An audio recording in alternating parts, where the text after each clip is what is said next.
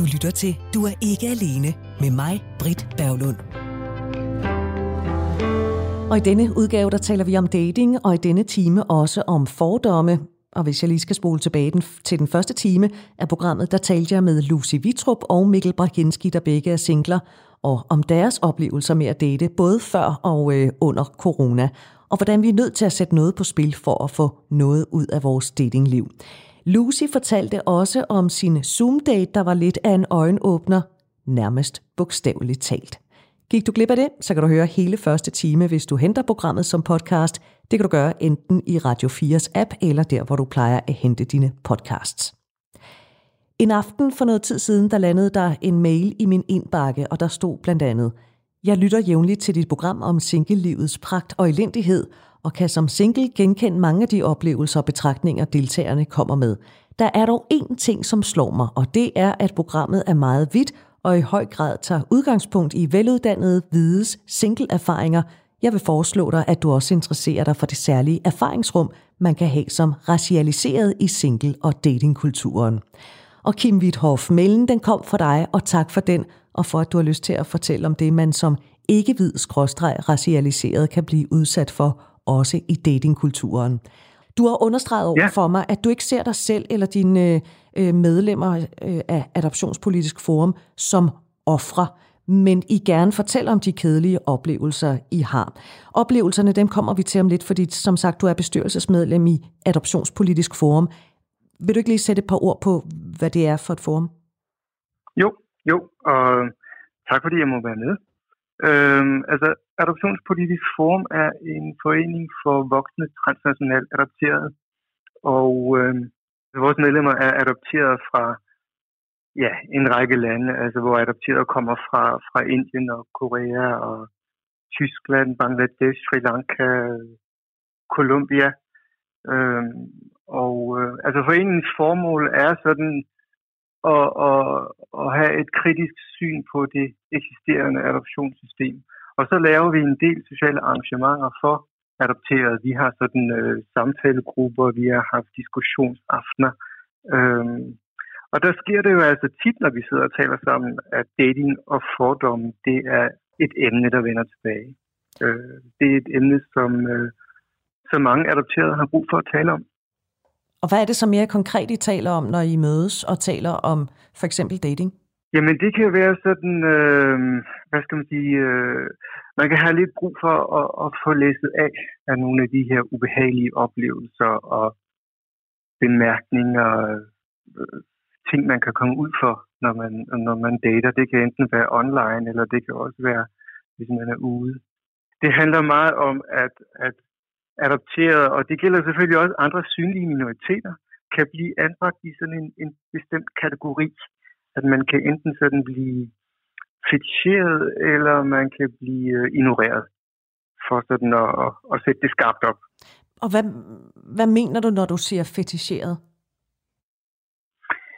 Jamen, med feticheret, der ligger jo der ligger jo det i det, at, at man kan blive mødt med nogle bestemte fordomme om for eksempel, øh, det kan være asiatiske kvinder, der oplever at blive øh, betragtet som uhindret adgang til sex, for eksempel. Det kan være nogen, der bliver mødt med fordomme om en særlig seksuel performance. Det kan være ret voldsomt at, at komme ud for det. Hvordan udmyndter det sig? Altså, hvilke sådan, øh, trælse scorebemærkninger bliver dine medlemmer mødt med? Mm, ja, sådan... Øh, altså, klassikeren, det er jo den der... Øh, hvor kommer du så fra? Øh, og så kan man måske lige blive... Jeg ved, jeg er jo rørt et eller andet sted, eller rodet i håret, eller sådan... Øh, øh, jeg ved ikke... Øh, så tror jeg, at Annie Luca har nogle, har nogle øh, lidt mere grove eksempler. Øh, men Kim, jeg vil jo egentlig ja. gerne have talt med et af dine medlemmer, men det har ikke været muligt at finde en, der havde lyst til at stille op. Så hvor stort er problemet?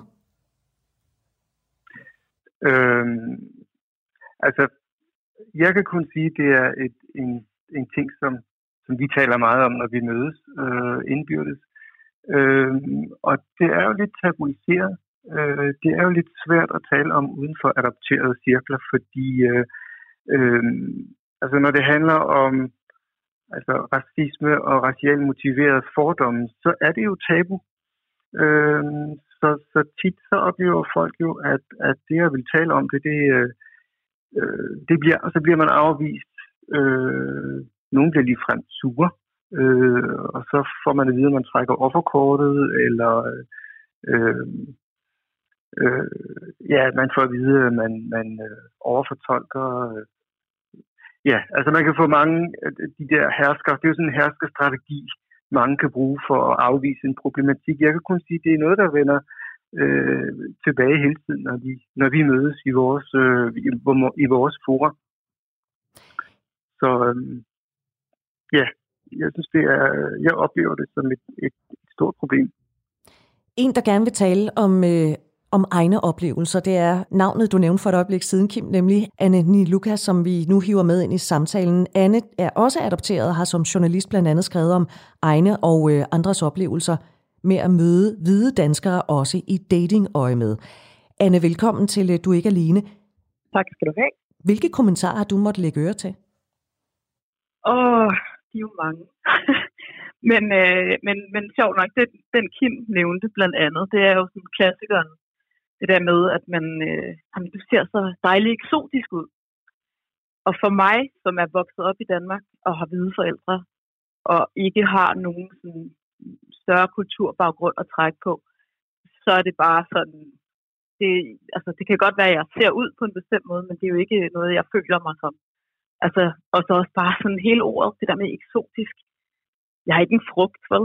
Altså, og hvis jeg var, så var det nok en kokosnød, som er sådan brun udenpå og hvid indeni. Og, og jeg føler lidt, at det er den der, så, så bliver der lagt nogle forventninger omkring, hvem jeg er, og hvad min hudfarve står for. Det er sådan noget, øh, og så har jeg også fået mange gange at vide, at, øh, at jeg har sådan nogle store dejlige læber, og jeg må da være virkelig god til nu siger jeg det på en pæn måde, øh, at give oral sex. Og så er der sådan også sådan noget med, at nej, jeg elsker bare at bruge piger. Og, og det er igen det der med at blive reduceret til en hudfarve, og ikke et individ. Har det altid været sådan? Ja, altså, øh, jeg har oplevet, at da jeg var yngre, der blev jeg meget tidligt seksualiseret af meget ældre mænd. Hvorimod at, at måske drenge på min egen alder, de, de gik slet ikke til mig på den der måde. Og jeg fornemmer stadigvæk, at det er sådan... Det er så ældre mænd. Altså, jeg ved ikke rigtig, hvorfor det er på den måde, men sådan er det. Og så, altså, der, og der er stadigvæk, altså, der er også masser på min egen alder, der siger sådan ting. Men, men, øh, men det har været sådan, gennem hele mit liv har jeg oplevet sådan ting. Det her, du siger, det, Anne, med, at, øh, at du forudsætningen, øh, du ser så dejligt eksotisk ud. Hvorfor er det nedladende at få at vide, at man ser eksotisk ud? Jamen, det er jo fordi, at det ikke handler om mig. Det handler om det, de ser, en hudfarve. Ikke? Øh, jeg vil da hellere have ved, at jeg ser dejlig ud, eller at jeg har en flot kjole, eller hvor er det en flot hat, eller et eller andet. Fordi at jeg meget, meget hurtigt føler mig sådan typecastet ind i at være en eller anden forestilling, de har om, eksotiske kvinder, brune damer, øh, frem for at, øh, at se mig som et unikt væsen. Og det, og det er derfor, jeg ikke gider, altså, at jeg ikke bliver glad for det der kompliment, mm. som det åbenbart er. jeg ved jo godt, at de fleste siger de ting, fordi de oprigtigt mener det et eller andet sted af et godt hjerte. Jeg tror ikke, at der er så mange, der går rundt og siger sådan nogle ting. I hvert fald ikke, at jeg ser eksotisk ud. Der er jo selvfølgelig nogen, der siger nogle meget, meget grovere ting. Men, men, men jeg tror ikke, at de mener det ondt. Men det er bare enormt trættende, fordi at jeg er jo ikke specielt eksotisk. Plus, at jeg vil da hellere have ved alt muligt andet. De går jo heller ikke hen til hvide damer og siger, ej, du ser bare skide dejligt dansk ud. Vel? Altså, det er, jo, det er jo noget mærkeligt noget at rose folk for, på en eller anden måde.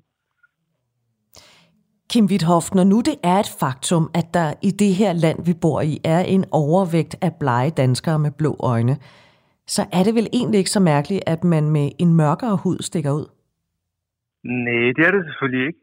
Øhm, men jeg vil gerne lige også samle op på det, øh, Anne Lukas sagde, øh, med, med at blive sådan eksotificeret, eksotificeret, fordi til det, der knytter sig jo samtidig også sådan forestilling om, øh, om, at man opfører sig, man er på en bestemt måde. Man får sagt, øh, der bliver tilknyttet sådan nogle bestemte karakteristika på en.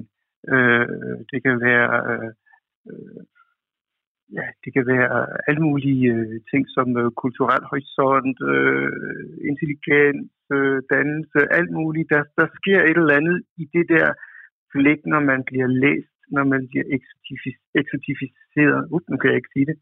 Eksotificeret, øh, som, som, øh, som kan være lidt, øh, som, som kan være meget ubehageligt. Øh, så så øh, jeg ved ikke, om det er et svar på dit spørgsmål. Det kan jeg heller ikke rigtig finde ud af, om det egentlig, om det egentlig var, fordi... At, men mit spørgsmål var jo, altså, når vi er i Skandinavien i et land, hvor der er rigtig, rigtig mange øh, hvide danskere med leverpostejsfarvet hår og blå øjne. Mm-hmm. Og så er det jo ikke så mærkeligt, at man stikker ud, hvis man kommer med en mørkere hud og måske også øh, mørkt hår og mørke øjne. At folk bemærker det. Altså, det behøver ikke være negativt, at man så spørger, hvor kommer du fra? Eller eller er det bare negativt? Altså, alting kommer jo an på, på situationen. Øhm, og øh,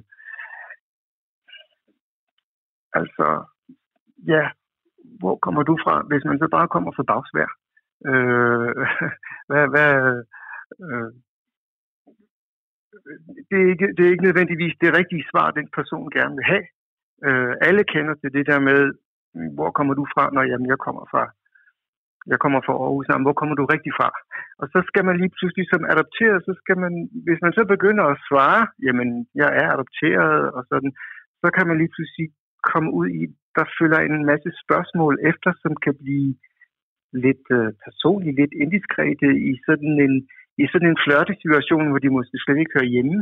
Og det kan sådan, det kan sådan ødelægge, ødelægge, ødelægge stemningen lige i øjeblikket. Øh, så det kan være, det, det kan være svært at skulle øh, lige pludselig skulle stå og, og, og give alle de der forklaringer midt i en, midt i en flørtesituation. Og nu siger jeg det bare, som det er. Jeg synes, det er et svært farvand at navigere i, fordi hvornår træder jeg nogen over tæerne, når jeg selv synes, at det er en, for eksempel er en kompliment, jeg kommer med, fordi ingens grænser går det samme sted, så hvornår ved jeg og andre, hvad vi må sige, og hvornår vi ligesom har trådt over en grænse. Og Anne Luca, det her med, hvor kommer du fra? Hvis nu jeg spurgte dig som en form for small talk, ligesom jeg måske ville spørge dig, Nå, hvad laver du så til daglig? Vil du kunne se igennem, at jeg faktisk bare prøvede at lave noget small talk med dig? Ja, altså jeg, jeg, jeg ved jo godt, at altså jeg har oplevet det jo helt i alle mulige situationer, ikke kun i, i flirte-situationer, men, men altså i alle mulige øh, situationer, hvor jeg møder nye mennesker, så er det bare ofte et, ret, øh, et spørgsmål, der kommer ret hurtigt. Og jeg kan jo godt se, hvor det kommer fra. Jeg kan også godt forstå, at når man ser mig, så det første, man ser, det er, at jeg har en anden hudfarve. Øhm, men det ved det, det er jo bare, som Kim siger, det, det afkræver hurtigt en ret mange svar, og, og at man bliver nødt til at gå ind i noget, der egentlig er ret personligt. Øh, jeg går heller ikke hen og spørger folk, nå, hvordan var din barndom så, øh, når jeg møder dem, vel? fordi det, det rager reelt ikke rigtig mig. Slet ikke, når vi kun lige har mødt hinanden for fem minutter siden. Og det med at være adopteret, det er bare, der er bare en hel masse øh, personlige ting, der, som jeg ikke gider at dele med alle mulige fremmede mennesker. Øhm, og det, det kan godt være, at jeg gerne vil fortælle min historie, når vi lige har talt om nogle andre ting. Men, men slet ikke som noget af det første. Og så også bare hele det der med, at jamen, altså, jeg plejer jo netop også bare at sige, at jeg er fra Roskilde. Og så kan jeg jo godt se, at det ikke er det, folk mener. Men de plejer, de plejer nogle gange at så, så sige, enten så siger de, okay, øh, øh, et eller andet, og så går vi videre til noget andet, eller så siger de, jamen, det ved godt, det ikke var det, jeg mente. Og så siger jeg, ja, det ved jeg godt. Men altså, det synes jeg egentlig ikke, vi behøver at tale så meget om lige nu. Fordi at, ja, som sagt, det er meget personligt jeg synes ligesom, at det rammer inden for en eller anden etisfære, som jeg ikke har lyst til, øh, øh, at alle mulige mennesker skal ind i. Hvordan ved man, hvor øh, grænsen går? Altså igen, fordi vi har jo alle sammen forskellige grænser. Men jeg tror, at man kan jo starte med at tænke lidt, hvordan vil jeg selv have det? Vil jeg synes, det fede var, at hver gang jeg mødte folk, at de så, det første de sagde, det var, nej, hvor har du nogle flotte skæve ører, eller nogle store tænder, eller et eller andet, der handlede om ens udseende, men som ikke baserede sig overhovedet på, hvem man er som menneske. Ikke? Jeg tror bare, det der med at, at altid at gå til folks hudfarve, som om, at det er at det er det, det mest naturlige i verden, især når vi lever i et land som Danmark, og de fleste mennesker trods alt er, øh, altså vi lever jo i et multietnisk samfund, ligegyldigt hvad nogle mennesker så vil sige om det, og, øh, og de fleste øh, er velintegrerede og meget danske. Og, øh, og jeg, jeg tænker bare ligesom, at hvis man nu starter med at gå hen netop og spørge, hvad laver du så? Eller, jamen, eller give et kompliment, som overhovedet ikke handler om, om mit såkaldte eksotiske udseende, så tror jeg, at man kommer ret langt, og så kan jeg, så kan jeg meget bedre nå derhen, hvor vi faktisk godt kunne snakke om min oprindelse. Men det er bare ikke lige der, man skal ligge ud. Og slet ikke med sådan nogle seksualiserede bemærkninger om, hvad, hvilke forventninger man har til brune kvinder, og hvordan de ser ud i, altså, i intime situationer, eller hvad de kan af, af seksuelle tricks. Altså, det lyder heller ikke som om, der bliver udvist særlig meget pli, hvis det er, man kommer med sådan nogle bemærkninger. Nej, det er det. Altså, det er også det, jeg oplever også, ligesom, øh, og det har været sådan en, en gennemgående ting, at, at mine hvide veninder, altså selvfølgelig har de også oplevet ubehageligheder, men de har ikke, det har aldrig været så eksplicit, som det har været for mig. Det der med, at der kommer en eller anden hen og netop siger, jamen du ser sådan her ud, så jeg forventer, at du er sådan og sådan, eller jeg har aldrig prøvet en brun pige, eller er du også, øh, altså hvordan ser du ud nede i trussen-agtigt. Det sker bare ikke.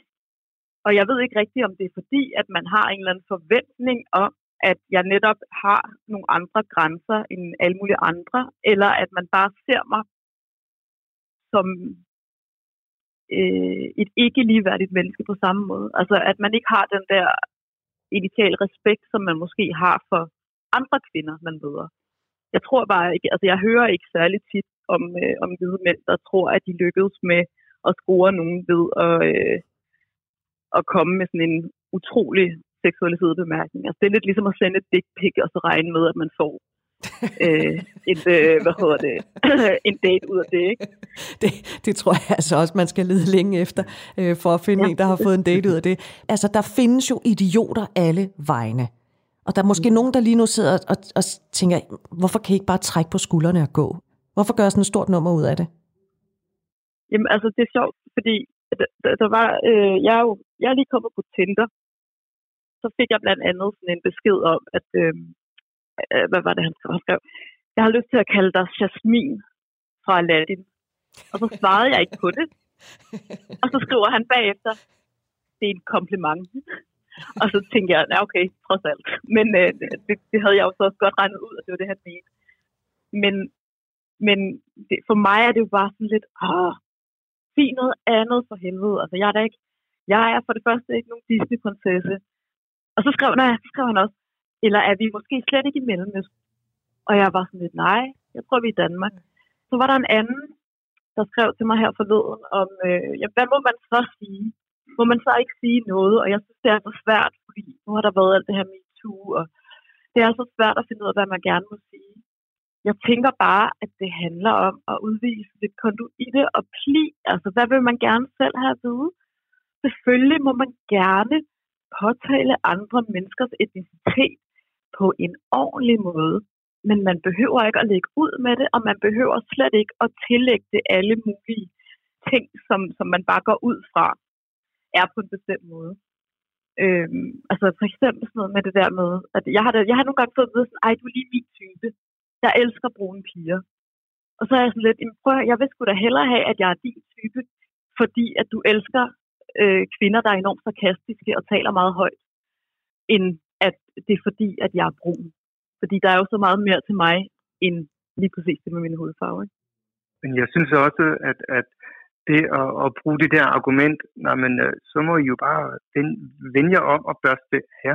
Det er jo også en måde, og det er jo en herskerstrategi, det er jo en måde at lukke ned for den her diskussion på, øh, når man kommer og siger, hør her, vi har et, vi har et særligt erfarings, erfaringsrum også som, som racialiseret, øh, det vil vi gerne tale om. Øh, så, så den der med, øh, ah, men det skal I bare glemme, altså det er jo også en, en måde at lukke ned for en diskussion på. Øh, altså, det kunne man også sige til, det kunne man også sige til, til kvinder, som synes, det er ubehageligt at blive, få et klask bag i, når de er i byen. Øh, og det vil man jo ikke sige. Det, man vil jo ikke lukke ned for diskussionen på samme måde. Øh, så, så jeg kan ikke se nogen grund til øh, ikke at tale om det. Det, det er et, øh, det er et erfaringsrum, øh, øh, og det er, er, er noget, som har med, med, med dating og single-liv at gøre. Så det synes jeg, der er, er vigtigt at tale om. Jeg tror også, altså det ved det, det er også, nu, siger, nu kalder du det erfaringsrum, det er også det der med, at det er jo ikke, altså folk, der kommer hen og kommer med den der bemærkning, altså det er jo ikke særlig originalt heller, vel? Vi har jo fået det at vide tusind gange. Og det er jo også en af grundene til, at man bliver enormt træt af at høre om det, ikke? Altså det var det, som jeg sagde før, hvis man hele tiden får en bestemt bemærkning, som går på ens udseende, så bliver man sjovt nok ret træt af at høre om det. Og, og tænker, ah, kom nu, altså find på noget nyt. Og, og derfor så bliver man jo også lettere irriteret jeg gider ikke sige krænket, fordi at det, øh, det er et ord, vi bruger alt, alt for meget, men, men man bliver irriteret og træt af det. Det er de her berømte dråber, altså øh, ja. fordi du har hørt det nu igennem 20 år, så bliver det bare for meget. Mm. Kim, det her med, at, øh, at kvinder bliver for eksempel overseksualiseret, asiatiske kvinder bliver set som fri adgang til sex, og asiatiske mænd øh, bliver ikke set som attraktive eller aseksuelle. Hvor meget lov ligger det på, på dine medlemmer i Adoptionspolitisk Forum, deres lyst til at, at gå ud og date? Altså, øh, det kan jo være, det kan jo være svært at, at gå ud øh, eller lave en datingprofil, hvis man, hvis man, øh, hvis man ved, at der allerede er, øh, hvis man på forhånd ved, at man vil møde den slags problemer. Altså nu har man jo for eksempel på på øh, øh, homo øh, hjemmesiden Boyfriend, der har man jo sådan en, en, en, en loud, det er sådan et, et tag, man kan have på sin profil, øh, som hedder tænder ikke på asiater. Øh, og det er ligesom almindeligt accepteret, at, øh, at have, have det stående på sin profil, øh, tænder ikke på asiater.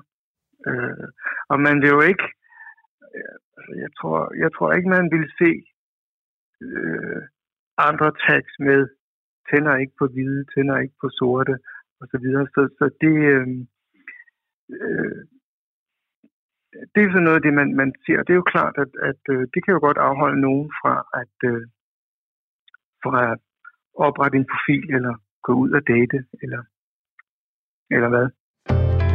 Du lytter til Radio 4. Nu stiller jeg et spørgsmål, og det er virkelig med far for, at I begge to knaller røret på om et øjeblik, ikke? de her bemærkninger, som man kan opleve, øh, Øh, der er måske nogen, som jeg sagde før, der vil sige, så bare vend jer om at, at, at, at gå eller, eller gøre noget andet.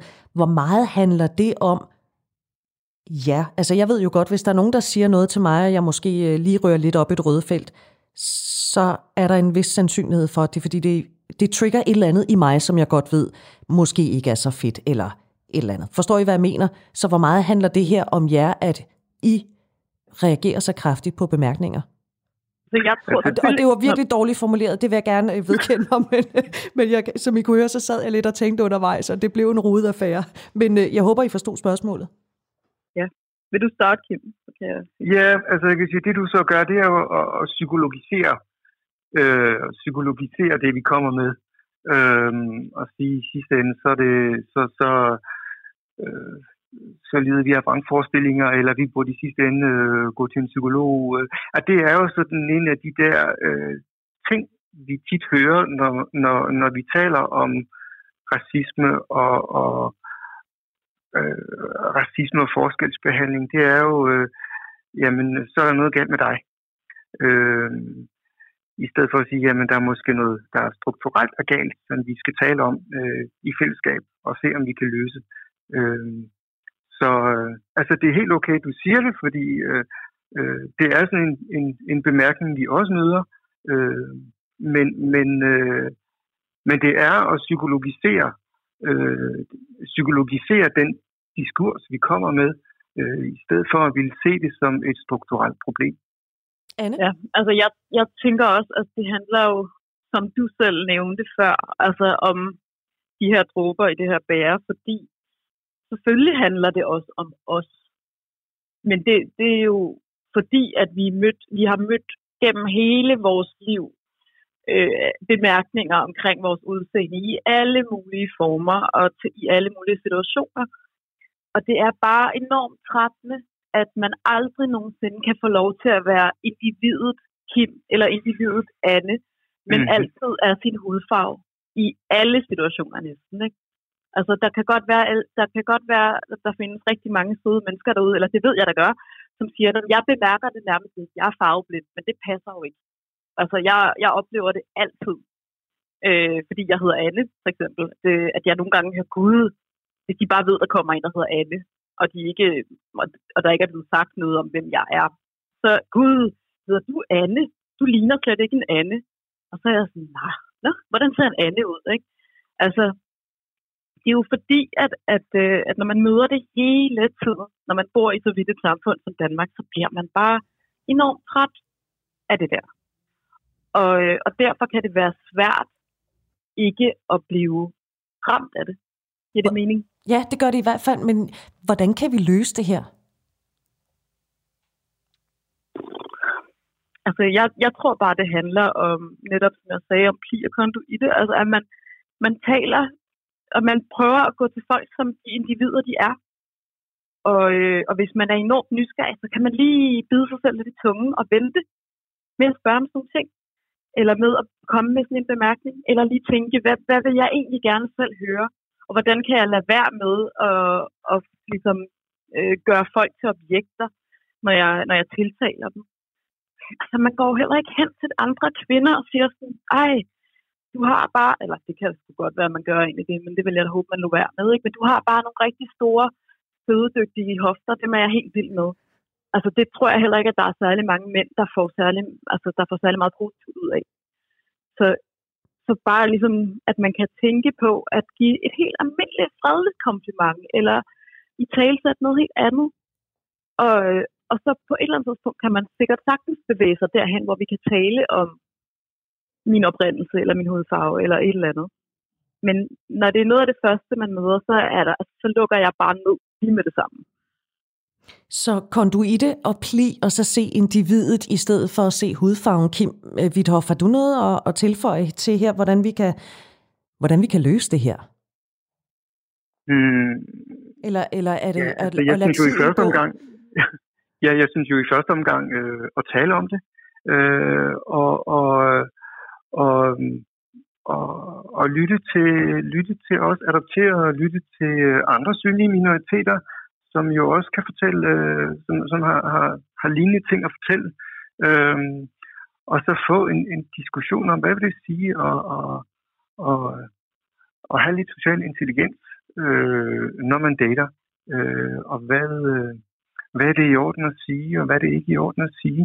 Altså, altså at, at skulle stå og udspørge en, en person om vedkommendes øh, baggrund og, og, og raciale tilhørsforhold osv., det, det, det, det er for mig lige så det er for mig lige så upassende som at gå hen til en person og spørge, jamen, øh, når man, hvad laver dine forældre så, øh, som det første? øh, og der, der synes jeg, at, at øh, ja, altså, vi må have en diskussion om, hvad, hvad, øh, øh hvad, hvad, hvad er det at have, hvad er det at have social intelligens øh, inden for datingmiljøet. Øh. Ja. Altså, jeg tænker også, altså, vi har der er jo også, nu har der jo været en altså, relativt stor, øh, et stort fokus på, hvordan man tiltaler kvinder, og hvordan man behandler kvinder sådan i, øh, her efter ja, MeToo-bevægelsen. Øhm, og, øhm, og det har jo lidt nogle steder hen, i hvert fald for nogle mennesker, ikke? at de er blevet, at nogen er blevet mere opmærksomme på, hvad er egentlig, som Kim siger, social intelligens, og hvordan, hvordan tiltaler man andre mennesker øh, med respekt. Og det samme gælder jo her. Og jeg er jo en af dem, der synes, at det er blevet frygtelig umoderne, det der med at gøre sig umage. Men måske skal vi i virkeligheden gøre det til øh, noget af det mest hippe, man overhovedet kan, nemlig øh, at gøre sig umage. Lige præcis. Det ville jo være dejligt. Altså, det er jo også det der med, prøv nu, prøv med noget, original, noget at være lidt original i stedet for at gøre dig umage. Tiltal andre mennesker, som du gerne selv vil tiltale. Og måske lige i det øjeblik, at man kan mærke, at det der spørgsmål, det brænder på tungen, så sige, vil jeg selv synes, det var fedt at få stillet det spørgsmål? Lige præcis. Altså, der er jo også forskel på det at have... Øh, altså, der er forskel på nysgerrighed og det, og det at være oprigtigt interesseret i en person. Øh, og, øh, øh, og der, der, altså, der som adopteret, der, der fornemmer man faktisk ret godt, at det her er bare sådan basal nysgerrighed, eller er den her person, er det her spørgsmål, fordi vedkommende virkelig er interesseret i mig som person. Det er to vidt forskellige ting. Øh, og jeg synes, man fornemmer meget godt, hvad der er hvad, når man står i sådan en situation. Jeg er sikker på, at vi vender tilbage til emnet her i Du er ikke alene, at det vil jeg da i hvert fald håbe, vi gør. Men om ikke andet, så det gode råd, det er, gør dig umage. Og det er sådan set øh, ligegyldigt, hvem man er, og hvad man har tænkt sig at spørge om, så skal man lige prøve at gøre sig umage og så udvise både pli og konduite. Er det der, vi lander den? Ja, og så, så også det, at lade være med at se os som noget, der er så specielt. Altså, vi har haft øh, transnational øh, adoption i Danmark i over 60 år. Altså, det burde ikke være så specielt, at, øh, at vi er sådan lidt, øh, at vi er sådan lidt mørkere end gennemsnittet. Øh, det behøver vi ikke at, at, at skulle gøres til sådan nogle eksotiske frugter øh, ved. Anne, har du en øh, afsluttende bemærkning, du brænder for at komme af med? Øh. Hvor skal du starte? Åh oh, ja, der er så meget. Nej, altså, jeg, jeg tror egentlig bare, at jamen, altså, mit råd og min, øh, min forbøn er jo bare, at, øh, at, jeg, at jeg generelt bare gerne, som Kim siger, vi vil gerne bare se som, som individer. Øh, og, og vi vil gerne øh, have komplimenter og, og søde ting at vide. Det vil jeg da også gerne. Men det skal bare ikke være baseret på en forestilling om, hvem jeg er, fordi jeg ser også eksotisk ud. Vi sætter et øh, forløbigt punktum der. Kim Withoff og Anne Niluka, tusind tak, fordi I vil være med her i øh, Du er ikke alene. Ja, selv tak. Ja, selv tak. Radio 4 taler med Danmark. Kim Withoff havde altså sendt mig en mail og foreslået, at vi skulle tale om fordomme her i Du ikke alene, og sådan mere specifikt i denne her udgave om fordomme, når man ikke er en hvid, bleg dansker med lever på farvet hår. Du er altså også velkommen til at byde ind, hvis du synes, at der er noget, vi skal tale om her i programmet. Det kan også være fordomme, måske nogle fordomme, du bliver mødt med ude på datingmarkedet. Du er velkommen, i hvert fald uanset på ikke alene snabelag radio4.dk, ikke alene snabelag radio4.dk. Og øh, nu har vi jo altså hørt om fordomme, man kan blive udsat for, når man begiver sig ud på datingmarkedet. Og nu peger vi så fokuset indad, og det gør vi sammen med Michael Hoffmann, der er parterapeut og forfatter til bogen Datingsider, sider af dating. Velkommen til, Michael. Tak skal du have. Du har sammenlignet dating med jobsøgning. Øh, hvad er det, du mener, de to ting har til fælles? Uh, der er mange ting, der er til fælles. Altså, når man skal have sig et job, så prøver man jo at give den bedste udgave af sig selv, fordi man gerne vil have det job her. Og, og man skal også passe på ikke at uh, hverken overdrive eller lyve. Og det er præcis det samme med dating. Altså, man, man giver jo den bedste udgave af sig selv. Man tager det bedste tøj på, for det meste i hvert fald. Og, og så skal man også passe på ikke at lyve. Altså, hvis jeg til jobsamtalen har forfalsket mine eksamenspapirer, det har nogle ret alvorlige konsekvenser senere, ikke? Og det er det samme øh, med øh, dating. Altså, at man skal være ærlig, øh, men det gør ikke noget, man, man overdriver de øh, fordelene og de positive ting. Også når du, når du ser traileren til en ny film, jamen, så ved du jo også, at det er godbiderne, de har taget. Det er ikke alt det kedelige stof. Det ved du godt, og det er okay. Så man må altså gerne spørge lidt tyk, tykkere på der, hvor man gerne vil øh, fremhæve de positive sider ved sig selv. Nu siger jeg smør tyk på, så lyder det lidt voldsomt. Altså, øh, igen, øh, hvis du til en jobsamtale øh, fortæller om, at du er rigtig god til lige præcis det, det, det er du fantastisk god til det, og det viser, du bare er sådan middel til det, ikke også? Jamen, så kan det være, at chefen han måske siger bagefter, hvorfor sagde du, at du var god til det? Ikke? Altså, så, så det er ikke noget, man fremhæver de positive sider. Altså, hvis man er god til at lave mad, så fortæller man om øh, det er den ret, man har lavet, for eksempel. Altså, det, det er der ikke noget i vejen for. Vel? Hvad? Så smør tyk på, det, det er ikke nogen god idé. Det lyder også så negativt et eller andet sted, ikke det der med at smøre tyk på. Det, er lidt at, jo. det lyder lidt som at stikke en løgn. Det vil vi ikke. Ja, Michael ja. Hoffmann, hvad er det, man skal være opmærksom på, inden man begiver sig ud på dating? Oh, oh, der er mange ting, man, man bør være opmærksom på. Mange de kaster sig bare ud i dating. Ligesom hvis man øh, kaster sig ud i at køre bil uden at have taget kørekort først. Altså, der er rigtig mange ting, man skal være opmærksom på. Først og fremmest skal man være opmærksom på sig selv. Man skal have gjort sit indre øh, øh forarbejde. Man skal kende sig selv. Altså, hvem er jeg egentlig? Hvad er mine styrker? Hvad er mine svagheder? Hvad er det, jeg vil med denne her dating her? Øh, vil jeg bare have et indgangsknald, eller vil jeg finde det eneste ene, eller hvad er det egentlig, jeg skal gøre? Øh, hvorfor søger jeg øh, en partner, som bor meget langt, langt, langt væk? Øh, hvorfor er det specielt? Hvorfor skal vedkommende have en speciel størrelse, eller alder, eller andet? Øh, hvorfor, hvorfor er det vigtigt, og hvad man går efter? Ikke?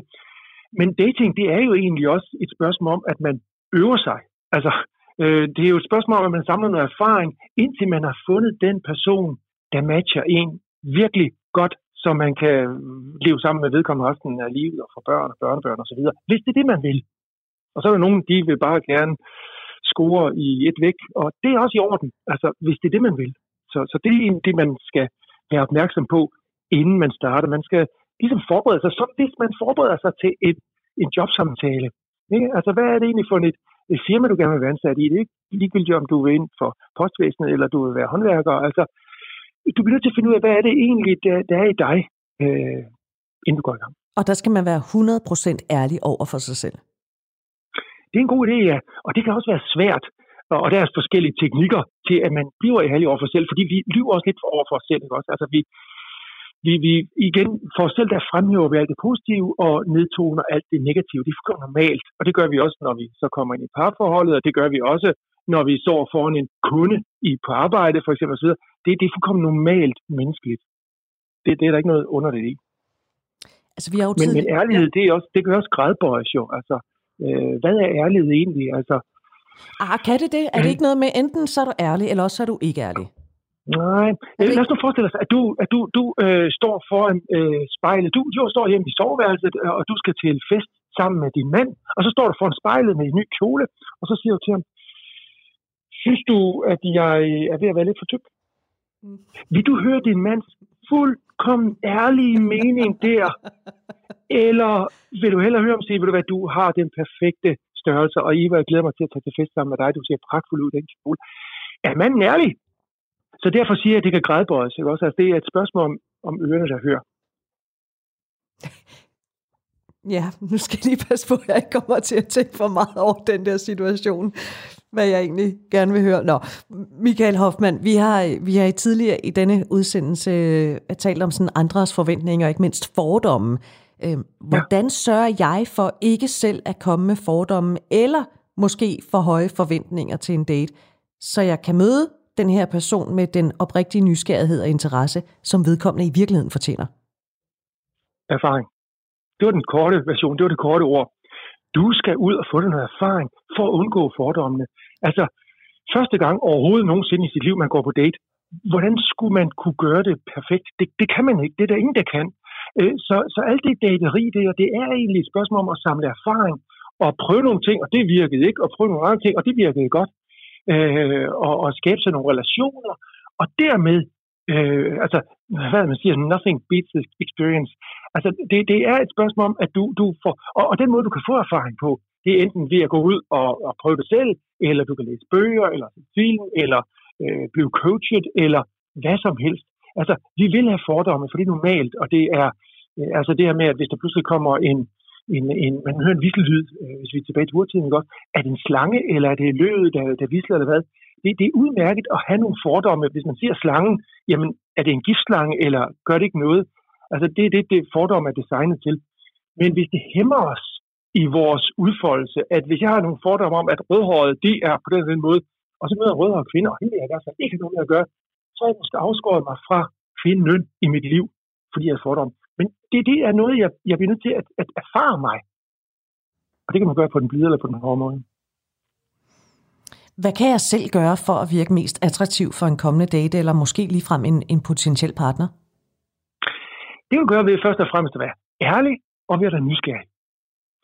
Når du stiller nysgerrige spørgsmål, det virker utrolig attraktivt. Prøv lige at forestille dig, at du er på en date, ikke også, du ved, og din datingpartner stiller dig nogle spørgsmål om dit liv og så videre, ikke også? Wow, det føles rart. Der er nogen, der interesserer sig for mig. Og det er nok det samme. Du skal interessere dig for din partner. Fokusere på din partner i stedet for alt for meget på dig selv. Og når du er fokuseret på din partner, så finder du også ud af, hvad der interesserer partneren, og er i stand til at give vedkommende det. Det, der normalt sker, er, at vi giver andre mennesker det, vi allerhelst selv vil have. Fordi vi tror, at hele verden må da kunne lide det her. Men ja, andre er forskellige fra os for det meste. Og derfor kommer vi til at give andre det, vi selv gerne vil have. Det undgår vi ved, at vi er nysgerrige, og ved at vi stiller spørgsmål. Altså sådan rigtig nysgerrigt, åbent, uden at være, øh, uden at stille partneren i et forhør eller andet. Altså det, det er igen et spørgsmål om erfaring og læring. Ikke? Også ligesom, at du skal lære at cykle, ikke? Også, altså, du skal falde nogle gange, før du rigtig kan cykle. Og du kan ikke lære at cykle ved tavleundervisning. Altså, så skal du lige styre lidt til højre side. Nej, du skal ud og prøve det. Og det, det koster altså nogle skrabede knæ, inden du kan cykle ordentligt. Og det, og, og hvis du øver dig tilstrækkeligt meget, så bliver du rigtig dygtig til at cykle. cykle. Så kan du cykle på baghjul og så videre. Ja. Men de skrabede knæ kan vel også gå ud over den, jeg er ude med. Altså nu talte jeg lige med Kim Withoff fra øh, Adoptionspolitisk Forum og Anne Niluka, der også er adopteret. Øh, og det med at være nysgerrig, altså de er ikke så glade for at blive spurgt om, hvor du er fra. Øh, Nej. Hvad, hvad man kunne sige, når men det er da, det er da nysgerrighed. Men det er bare ja, at træde over en grænse. Ja, ved du hvad, nysgerrighed, det kunne også være at sige, øh, øh, sikke en øh, sød bluse, du har på, det her, øh, har du mere den slags tøj, eller øh, hvad, hvad interesserer dig øh, at spise, eller, altså, hvis, hvis man ser en, der ser anderledes ud end en selv, og så spørger, hvor kommer du fra, det kan virke grænseoverskridende. Men det er igen øh, et spørgsmål om, om erfaring og læring. Hvad er okay i en øh, social sammenhæng? Ikke? Altså, altså, øh, og, og, og selvfølgelig kan man blive såret. Jeg kan også blive såret over, at, at der bliver sagt noget til mig. Det er en del af læringen. Altså, vi kan ikke undgå skrabede knæ. Det er, når min datter øh, kom hjem fra øh, børnehave og skole, og så sagde, jeg har slået mit knæ, så siger jeg, det er godt, det viser, at du har leget, ikke også? Synes du, det er godt, jeg har slået mit knæ? Ja, fordi du skal ud og bevæge dig, du skal ud og, og have noget skrabet knæ. Det er vigtigt, at du får et skrabet knæ nu, end at du får en koldbrænder og får sat benet af senere. Ikke også? Altså, så, så godt med skrabet knæ, det er det, der skal til. Det er meget sjovt, fordi jeg har, øh, jeg har haft nogle diskussioner med en veninde om det her med at gå på date, og hvor meget man ligesom skal lægge låg på sig selv, eller hvor meget man skal dele ud af sig selv. Øhm, ja. Bør min date acceptere mig, som jeg er? Ja da. Lige så vel som du skal acceptere din date, som daten er. Altså, hvis du ikke er i stand til at acceptere din date, som vedkommende, som han er, hvordan, skal du, hvordan kan du så forvente, at din date skal acceptere dig? Så det handler selvfølgelig om accept, men en date er per definition en lakmusprøve. Det er en jobsamtale. Ikke? Vi er, vi er ikke, du har ikke skrevet kontrakt endnu. Du er ikke ansat endnu. Det er en jobsamtale. Du skal, der skal firmaet måske have 100 ansøgninger igennem, før at de finder den helt perfekte øh, person til det job der. Ikke? Eller den, den bedste person til jobbet. Øh, og det er det samme med dates. Ikke også? Altså, vi, vi søger jo enten for at få et hurtigt knald, eller for at finde øh, øh, vores livsledsager. Det, det, der er forskellige. Øh, øh, ligesom nogen, de, de vil bare have et job for at tjene nogle penge, og de skal bare lige i års sommerferien, Ikke også? Andre, de vil gerne have et job for resten af livet. Ikke fordi det er virkelig noget, de brænder for. Øh, så så det, det er forskelligt. Øh. Så det vil sige, sådan en ja. type som mig, der øh, godt kan have for vane og... Øh jeg kan godt have for vane måske at grine lidt for højt, og måske også lidt for længe.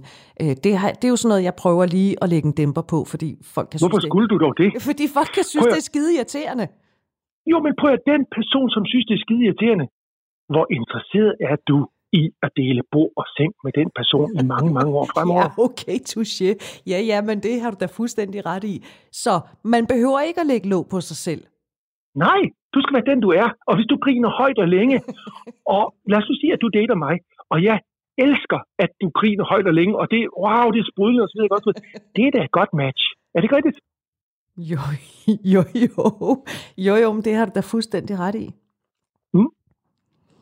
Nå, jeg synes, det er rart, vi kan få lov til at sidde her og, og stikke fingrene ind i vores egne navler, fordi vi kan jo gøre rigtig meget øh, for os selv og for hinanden, og ligesom øh, forberede os på, når vi skal begynde at date. Ikke? Øh, Michael Hoffmann, hvordan, øh, hvordan finder jeg balancen mellem at skrue op for de ting, der gør mig attraktiv, øh, men også samtidig være tro mod mig selv? Altså jeg ikke ligesom, kan man sige, oversælger varen? Øh, det gør du ved, at du øh, fokuserer på den, du er ude på date sammen med. Altså, hvis du er sikker på, at du ikke har øh, guldrod mellem fortænderne, og at du i øvrigt har taget et bad og har taget noget, øh, noget passende tøj på, ikke også? Altså, ikke nyt tøj, fordi det strammer, og det gør ved, ikke også? Altså, øh, og det signalerer måske ikke det, du er, ikke også? Men find noget tøj, du har det godt i. Øh, sørg for, at du er i et øh, relativt trygt miljø, ikke også? Altså ikke et eller andet øh, sted, hvor du ikke føler dig godt tilpas. Og så fokusere på den anden, for det er jo det, der er det vigtige, ikke også? Du skal ikke fokusere på dig selv og mig, mig, mig. Nej, du er på date for at finde et match til det, du nu vil efterfølgende. Ikke? Så, så øh, når du fokuserer på den anden, så glemmer du også dig selv, og så slapper du af, og det gør dig attraktiv. Men det der, gør, at du er jo dig.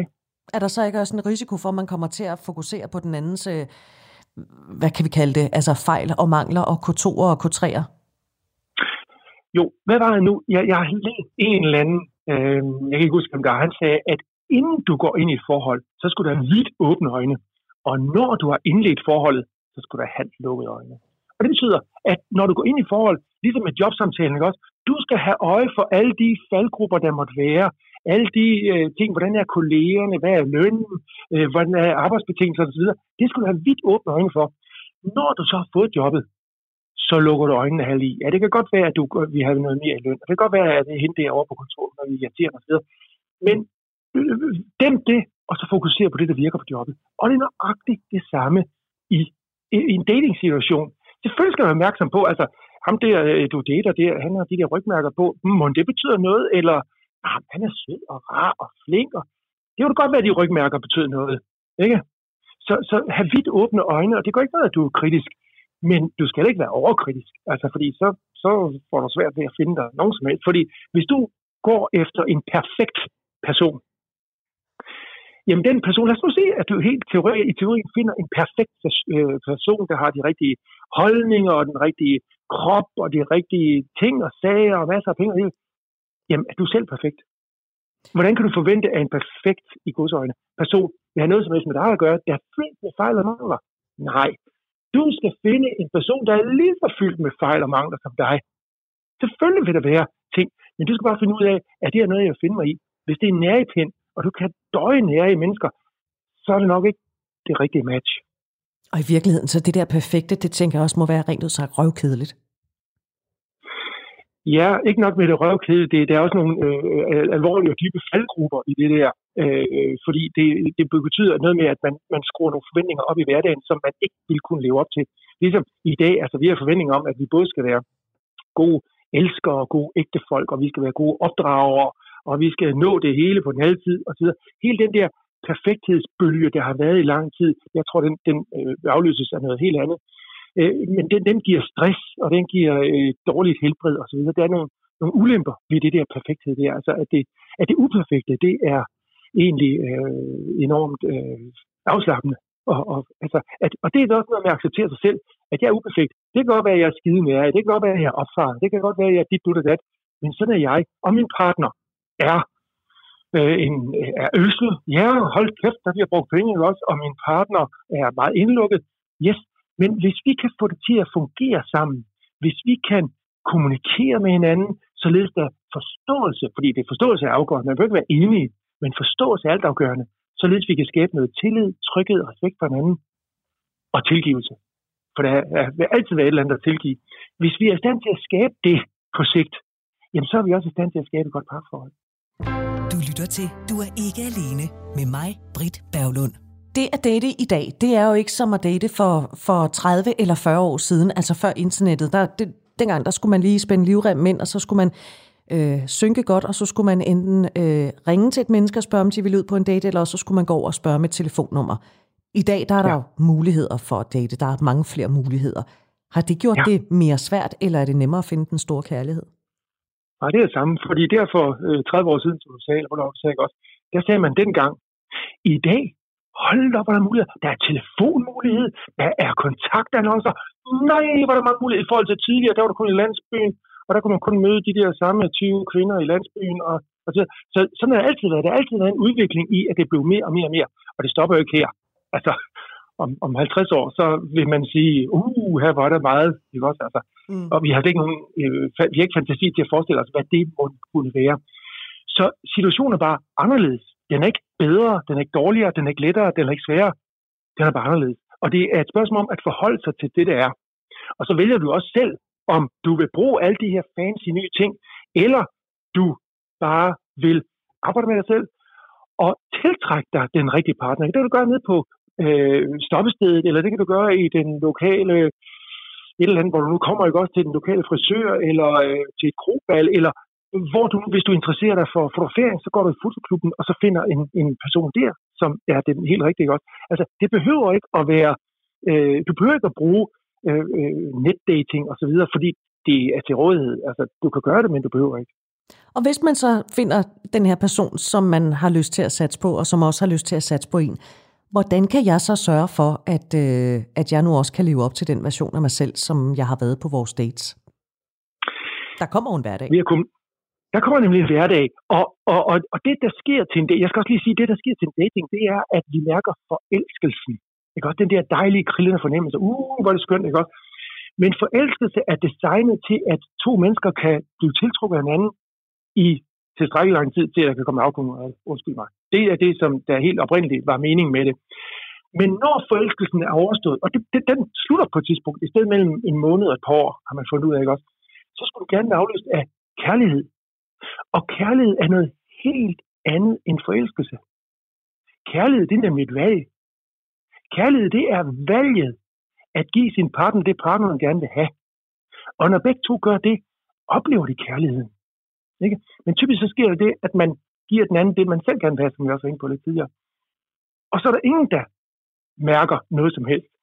Så for at kunne give den anden det, den anden gerne vil have, så er man nødt til at kommunikere.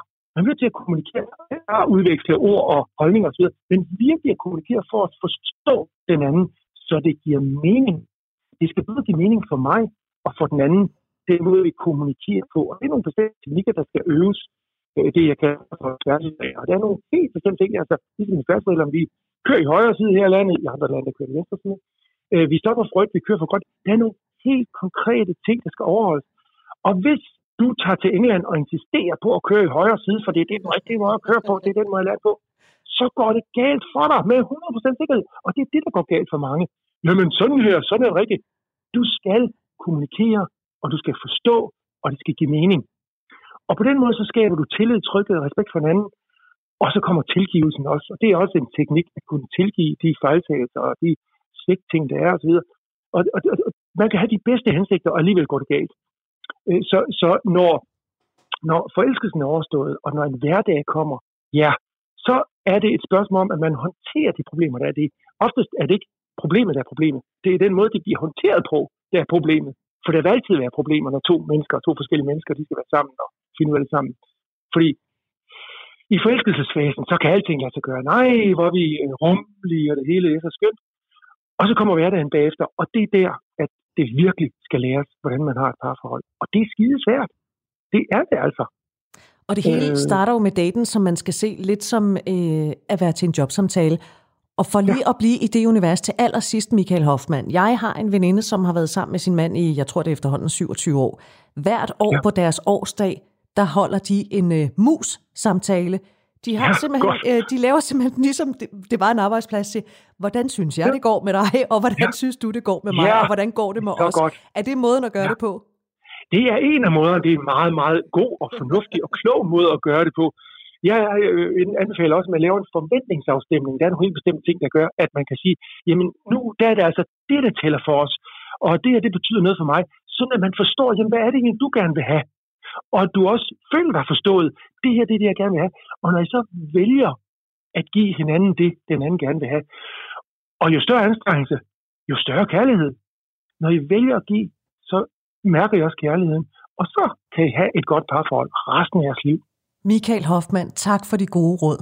Velkommen. Programmet er produceret af Pibesovs Productions for Radio 4.